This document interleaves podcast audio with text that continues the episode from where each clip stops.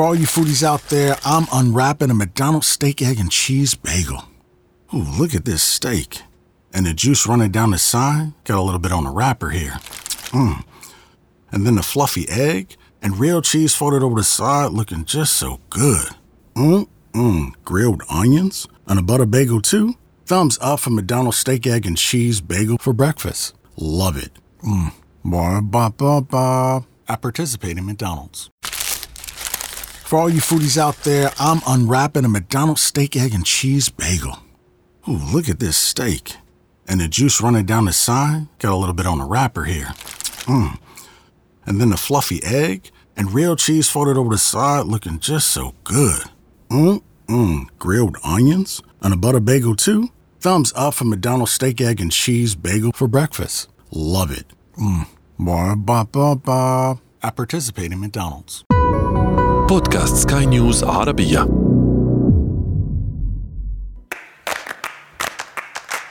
سؤال حر.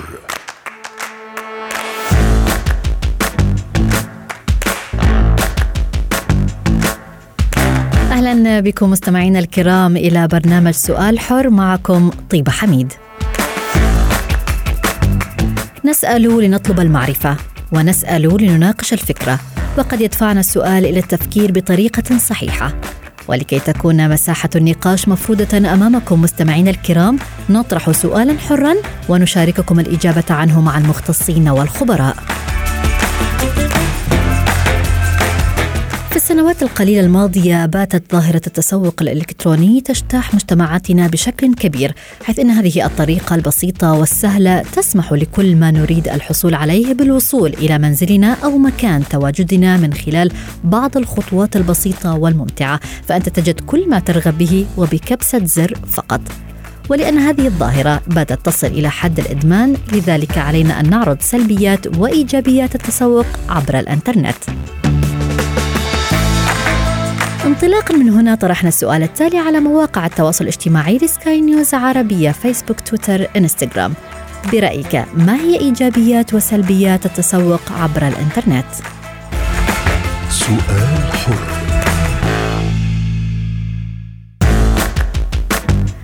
من ضمن التعليقات الواردة على مواقع التواصل الاجتماعي لسكاي نيوز عربية كانت لأبو فيصل الذي يقول اختلاف البضاعة في الصورة غير الواقع. نضال تقول التسوق الإلكتروني كله غش.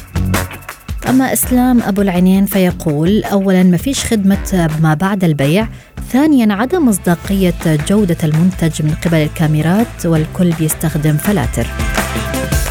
أبو عبد الله يقول معظم المنتجات مقلدة أو مزورة وتكون بطريقة السرقة لرقم الهاتف والاتصال وإرسال الطلب بدون علم الشركة الأم.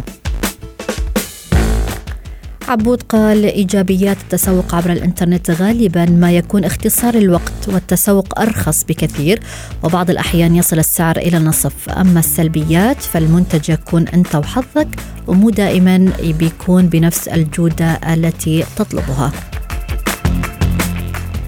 إذا للحديث عن هذا الموضوع ينضم لنا المستشار في أمن المعلومات والتحول الرقمي رولا أبي نجم. أهلا بك رولا. معنا ضمن برنامج سؤال حر. يعني تعليقات المستمعين بالفعل قد ذكرت إيجابيات وسلبيات مختلفة آه، للتسوق الإلكتروني. لنتحدث في البداية قليلا عن ظاهرة التسوق عبر الإنترنت ونلخص أكثر هذه الإيجابيات والسلبيات. أول شيء مساء الخير للكتابة ومساء الخير لكل المشاهدين المستمعين. آه إذا بدنا نحن نلخص أول شيء الموضوع بنلخصه بأول نقطة أساسية هو موضوع سهولة الشراء اونلاين يعني الواحد هو قاعد ببيته عبر التليفون أو عبر اللابتوب بيقدر يتسوق من أي موقع إلكتروني اللي هو عبارة عن أي شركة أو أي منتج وبيقدر هذا المنتج يوصل له لعنده على البيت نعم. فهيدي بطبيعة الحال كبداية هيدي من أهم ال advantages بهذا الموضوع أو حسناتها هلأ إذا بدنا نلخصهم للحسنات فينا نجي نقول من أهم النقاط هي موضوع الأسعار لأنه دائما الواحد بس بده يطلب سعر أشياء اونلاين بيكون الأسعار عم نحكي عن أقل لأنه تكلفه تبعول الشركات بتبيع أونلاين. ما عندها إذا بدك مستودعات أو محلات كثير كبيرة أو showrooms للعرض أو يكون في عندك كثير sales people أشخاص عم يبيعوا المنتجات تبعولهم فبيكونوا أرخص التكلفة تبعتهم عليهم أقل. بيكون في عندك أنت بتقدر تعمل مقارنة بين أي منتج ومنتج ثاني بين عدة محل مع بعض وبتنقي أنت شو الأنسب بالنسبة لك مع شو الأوفر بالسعر وغيرهم.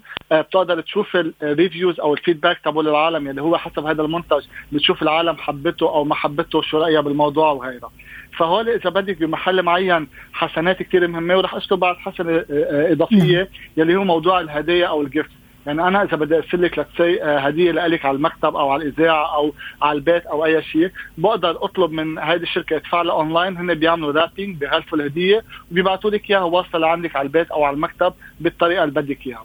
نعم. بس بطبيعة الحال يعني كل شيء حسنات في مقابله سيئات. بالتأكيد. وهون رح أستفيد من حدا اللي يعني الأشخاص اللي كانوا عم يجاوبوا على مواقع التواصل الاجتماعي وصراحة معهم حق بمعظم الأجوبة اللي هو إنه نحن مثل ما إذا بنشوف أنا ناخذ شغله بعين الاعتبار أنا لما فوت على محل محترم آه، في عنده customer support بيهتموا بالزبونات تبعهم وهيك أكيد ما راح يكون عندي نفس المشاكل لما فوت على محل ما بعرف شو اسمه أو ما بعرف من هو أو يمكن بعده فاتح جديد. كمان اونلاين عندنا هذا نفس الموضوع. يعني أنا إذا عم فوت أشتري من موقع تابع لشركات محترمة آه، معروفين من هن مثل امازون أو eBay أو غيرها ما راح يكون عندي نفس المشاكل اللي أنا بواجهها لما بيكون حدا فاتح حساب مثلا على انستغرام أو على تويتر أو فاتح موقع مبين عليه موقع جديد وعم عم يبيع عليه منتجات. فكمان بمحل معين بدنا نعرف المصدر اللي يعني نحن عم نشتري منه المنتجات تبعولنا تنشوف هو المشاكل. نعم. النقطة الثانية الأساسية اللي كل العالم بتخاف منها إنه أنا لما بدي فوت أشتري منتج من أي محل أنا عم بعطيه معلومات عني. هذه ذكرها أحد الأشخاص على مواقع التواصل الاجتماعي. صحيح. عم بعطيه اسمي ورقم تليفوني والإيميل وكل التفاصيل وعنوان بيتي عنوان سكني. وفوق هول عم بعطيه تفاصيل ال credit card information يعني البطاقة اللي بيقدر يسحب منها مصاري. هون في عندي شغلتين بدي أخذهم بعين الاعتبار أول شيء أنا أتأكد إنه أنا هذا الرابط اللي عم بحط عليه المعلومات المفروض يكون HTTPS يعني سكيور تا أنا المعلومات اللي عم بحطهم على هذا الموقع يكونوا بمحل معين آمنين لأنه أنا إذا عم ببعثهم ما حدا ياخذ هول المعلومات وهنا نستطيع أن نعتبر لا أن هذا الموقع هو مشفر صحيح؟ صحيح. هي الفكرة مش الموقع مشفر بحد ذاته. هي لما بنحكي عن HTTPS هو المعلومات اللي أنا عم بحطها على هذا الموقع المفروض تكون مشفرة. نعم. بس المشكلة الرئيسية بالموضوع وين؟ نحن بنعطي الهم شغلتين. بنعطي الهم الموقع بحد ذاته يكون هن منه موقع موثوق وياخذوا هالمعلومات يستفيدوا منها بغير شيء مثل fraud وغيرها. وممكن بمحل الثاني يكون الموقع هو آه، مصدر ثقة بس منه يكون مأمن بشكل لأنه مش بس موضوع ال HTTPS هي موضوع ال security في كثير عوامل وين عم بخزنوا المعلومات بقلب هذا ال website على أي server بأي شركة hosting هول كلهم بياثروا وين عم بخزنوا المعلومات. نعم. لأنه بركي ساعتها هاكر فات واخترق هذا الموقع وسرق كل المعلومات. يعني هو trusted بالنسبة لإلي بس هو منه آمن لدرجة فاتوا مخترقين أخذوا كل المعلومات تبعولي والبطاقات الائتمان تبعولي وغيرها. سؤال حر.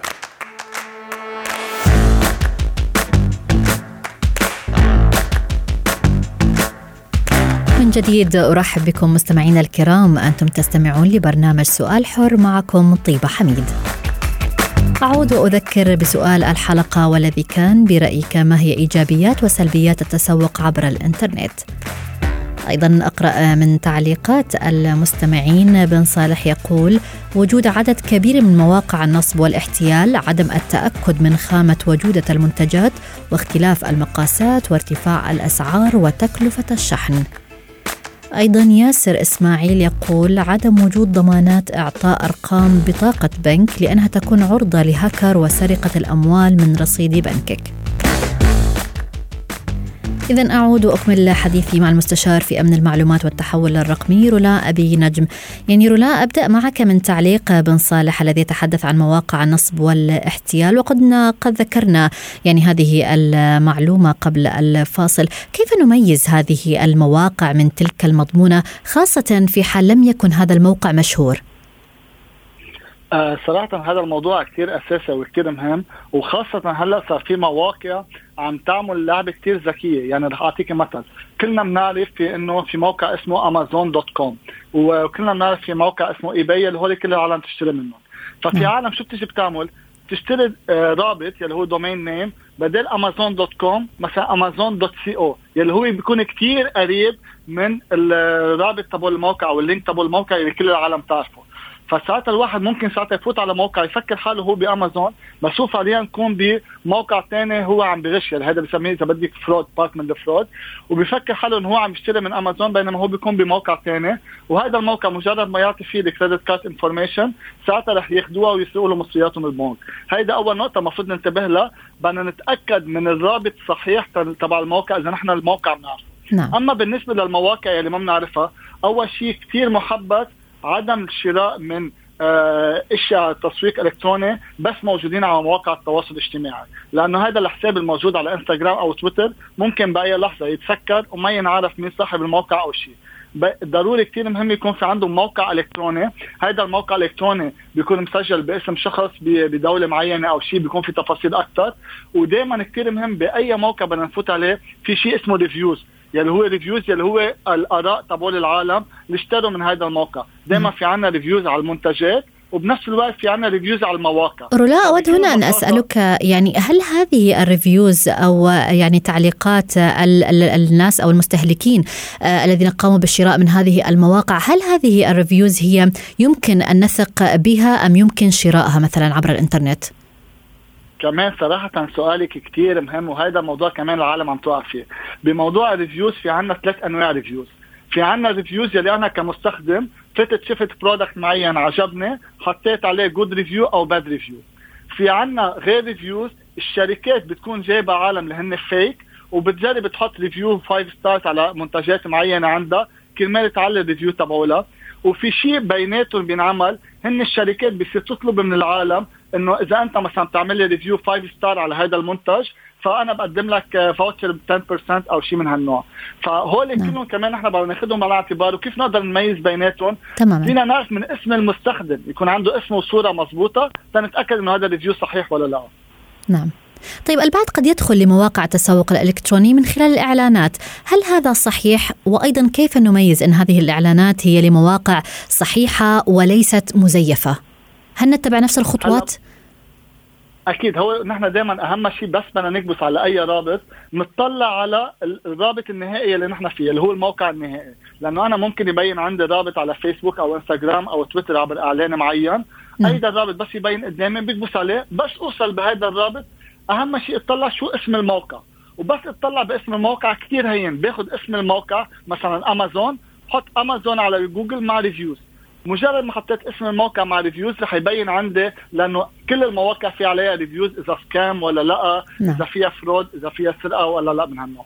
طيب بالحديث أيضا عن الإعلانات هناك ما يعرف بإعادة استهداف الجمهور مثلا عند شراء تذكرة سفر أو ملابس؟ نجد بعدها انتشار للإعلانات حول ما نبحث عنه وبكثرة على جميع مواقع التواصل الاجتماعي. كيف يتم هذا الموضوع؟ هيدا ال technical term تبعوله اسمه retargeting يعني إعادة التوجيه إذا بدك المنتج للشخص اللي هو مهتم فيه. يعني رح أعطيك مثل. أنا هلأ إذا بفوت على موقع Booking dot com يلي هو لحجز الأوتيلات وكل العالم يلي بيحجزوا صارت معهم هذا الموضوع. فتش على أوتيل بباريس ولا بلندن ولا بأي محل. بغض النظر إذا أنا حجزت ولا ما حجزت بس من بعد ما آه، أعمل هذا البحث إذا بفوت على فيسبوك أو إنستغرام رح يطلع لي إعلانات عن أوتيلات بباريس وبلندن من موقع Booking dot com هيدا كيف بيصير؟ أنا أي موقع واذا بتلاحظوا هلا كل المواقع اللي بتفوت عليها بحطوا لكم من تحت إنه في كوكيز هول الكوكيز هن بيعملوا شيء بسموه tag يعني وصمه لكل مستخدم. يعني أنا بس فوت على موقع Booking dot com رح يعرفوا إنه في مستخدم فات لهون وعمل بحث عن هذا الموضوع.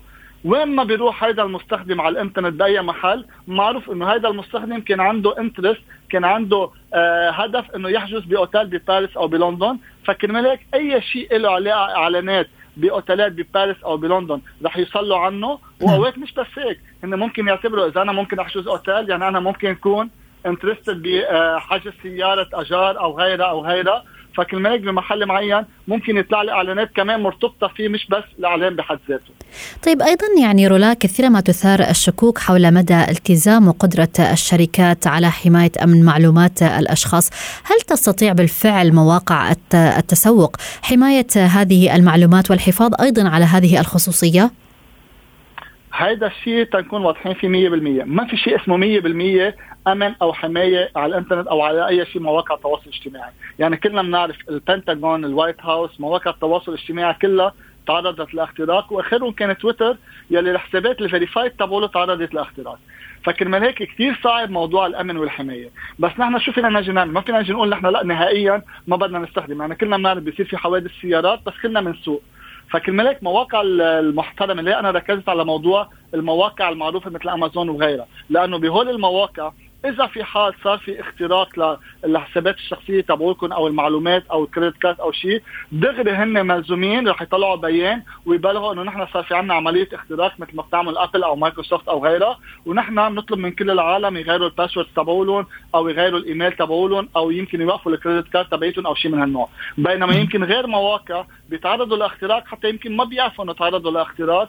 وما بيبلغوا أي المستخدمين إنه شو الإجراءات المفروض يعملوها. فكل هيك برجع بأكد وشدد لأنه ما في حماية 100% فأفضل طريقة احمي حالي إنه أروح عند مصدر موثوق اللي هن المواقع المعروفة. ولو يمكن ما تكون التكلفة تبعولي ادفع مبلغ أعلى شوي من يمكن بدفعه غير محل. بس على اللي بكون مأمن حالي. إذا صار في عملية اختراق أو إذا صار في عندي أي مشكل في عندي support بقدر أحكي مع الشركة بيقدروا يعملوا لي refund وهون في كثير مواضيع كمان انذكرت على مواقع التواصل الاجتماعي نعم. بيناتهم إذا وصل لي أنا المنتج غلط ما المفروض أحكي مع الشركة كرمال يبدلوا لي إياه أو غيرها هول يلي كل المشاكل بتصير إذا أنا ما كان في عندي customer support من الشركة يعني عالم محترمين عم أقدر اتابع معهم كرمال أقدر أعالج المشاكل تبعولي نعم. ما حقدر حل الموضوع لأنه بطبيعة الحال رح يضل في كثير مشاكل. شكرا لك على جميع هذه المعلومات والنصائح المستشار في أمن المعلومات والتحول الرقمي رولا أبي ناجم. سؤال حر.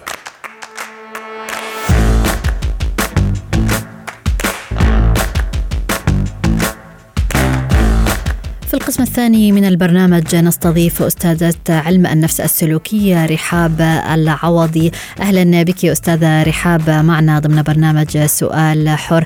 لنتحدث الآن عن ارتباط التسوق بحالتنا النفسية. لماذا نلجأ إلى التسوق عندما نشعر بالحزن مثلا أو التوتر خاصة مع سهولة التسوق اليوم عبر مواقع الإنترنت؟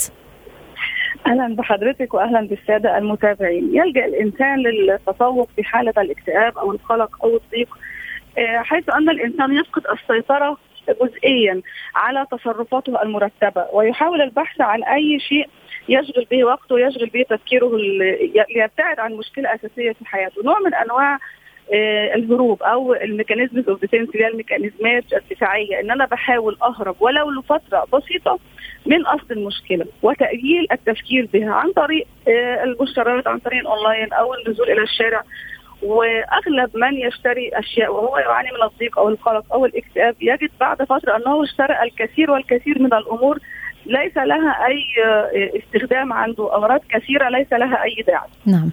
طب هل من الممكن أن نخدع أدمغتنا مثلا لتعزيز المشاعر الإيجابية من دون أن ننفق الأموال؟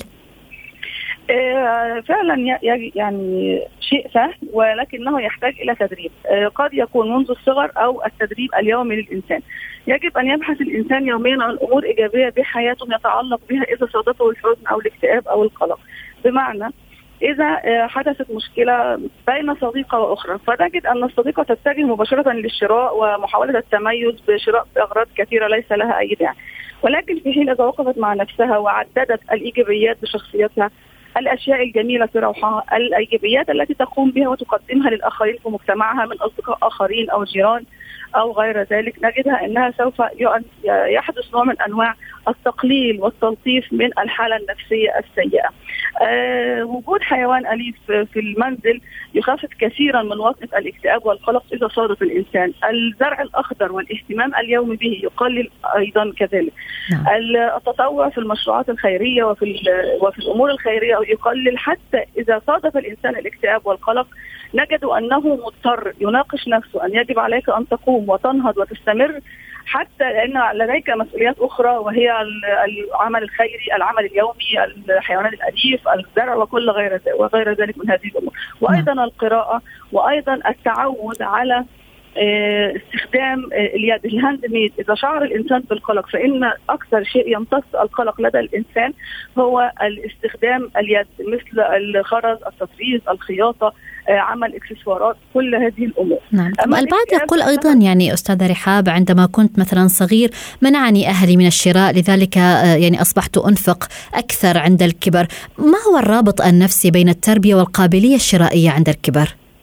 الحرمان الشديد في الصغر يقابله شراهة شديدة عند الكبر. الحرمان الشديد من العاطفة من المادة من الشراء خاصة وإن كان الأهل لديهم القدرة المادية لإعطاء طفلهم ما يحتاج ولا يجد أنهم يتصفون بالبخل.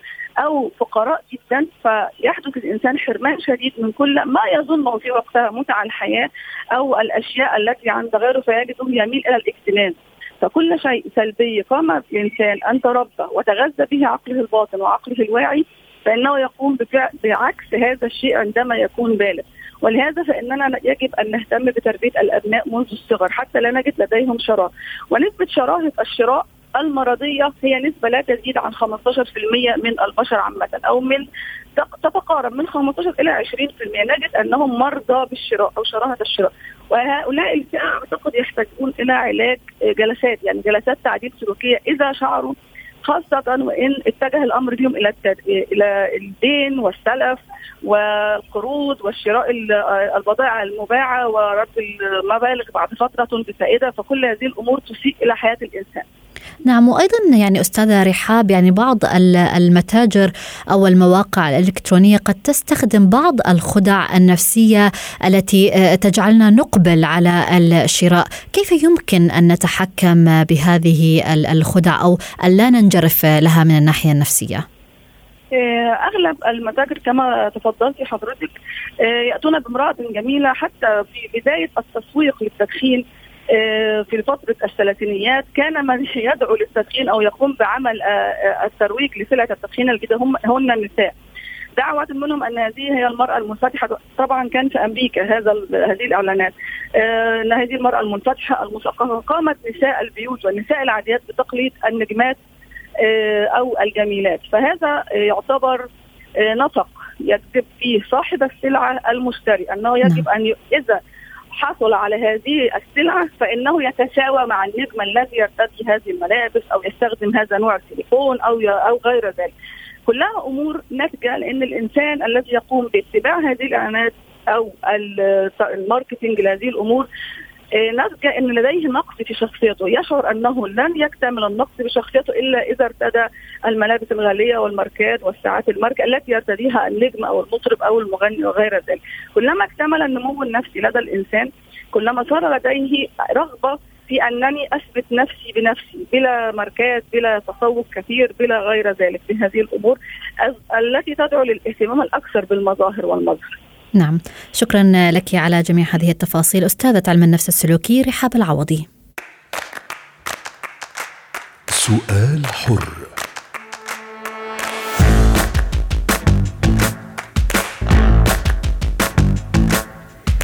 إلى هنا نأتي وإياكم مستمعينا الكرام إلى ختام برنامج سؤال حر. سؤال حر. We begin today's meditation with a few sipping exercises to remind us a little treat can go a long way. So pick up your McCafe iced coffees, close your eyes, and deep sip in. And deep satisfaction out. Take a treat retreat at McDonald's. Right now, get a McCafe iced coffee in any size and any flavor for just 99 cents until 11 a.m. Price of participation may vary. We begin today's meditation with a few sipping exercises to remind us a little treat can go a long way. So pick up your McCafe iced coffees, close your eyes, and deep sip in. And deep satisfaction out. Ah. Take a treat retreat at McDonald's. Right now, get a McCafe iced coffee in any size and any flavor for just 99 cents until 11 a.m. Price of participation may vary.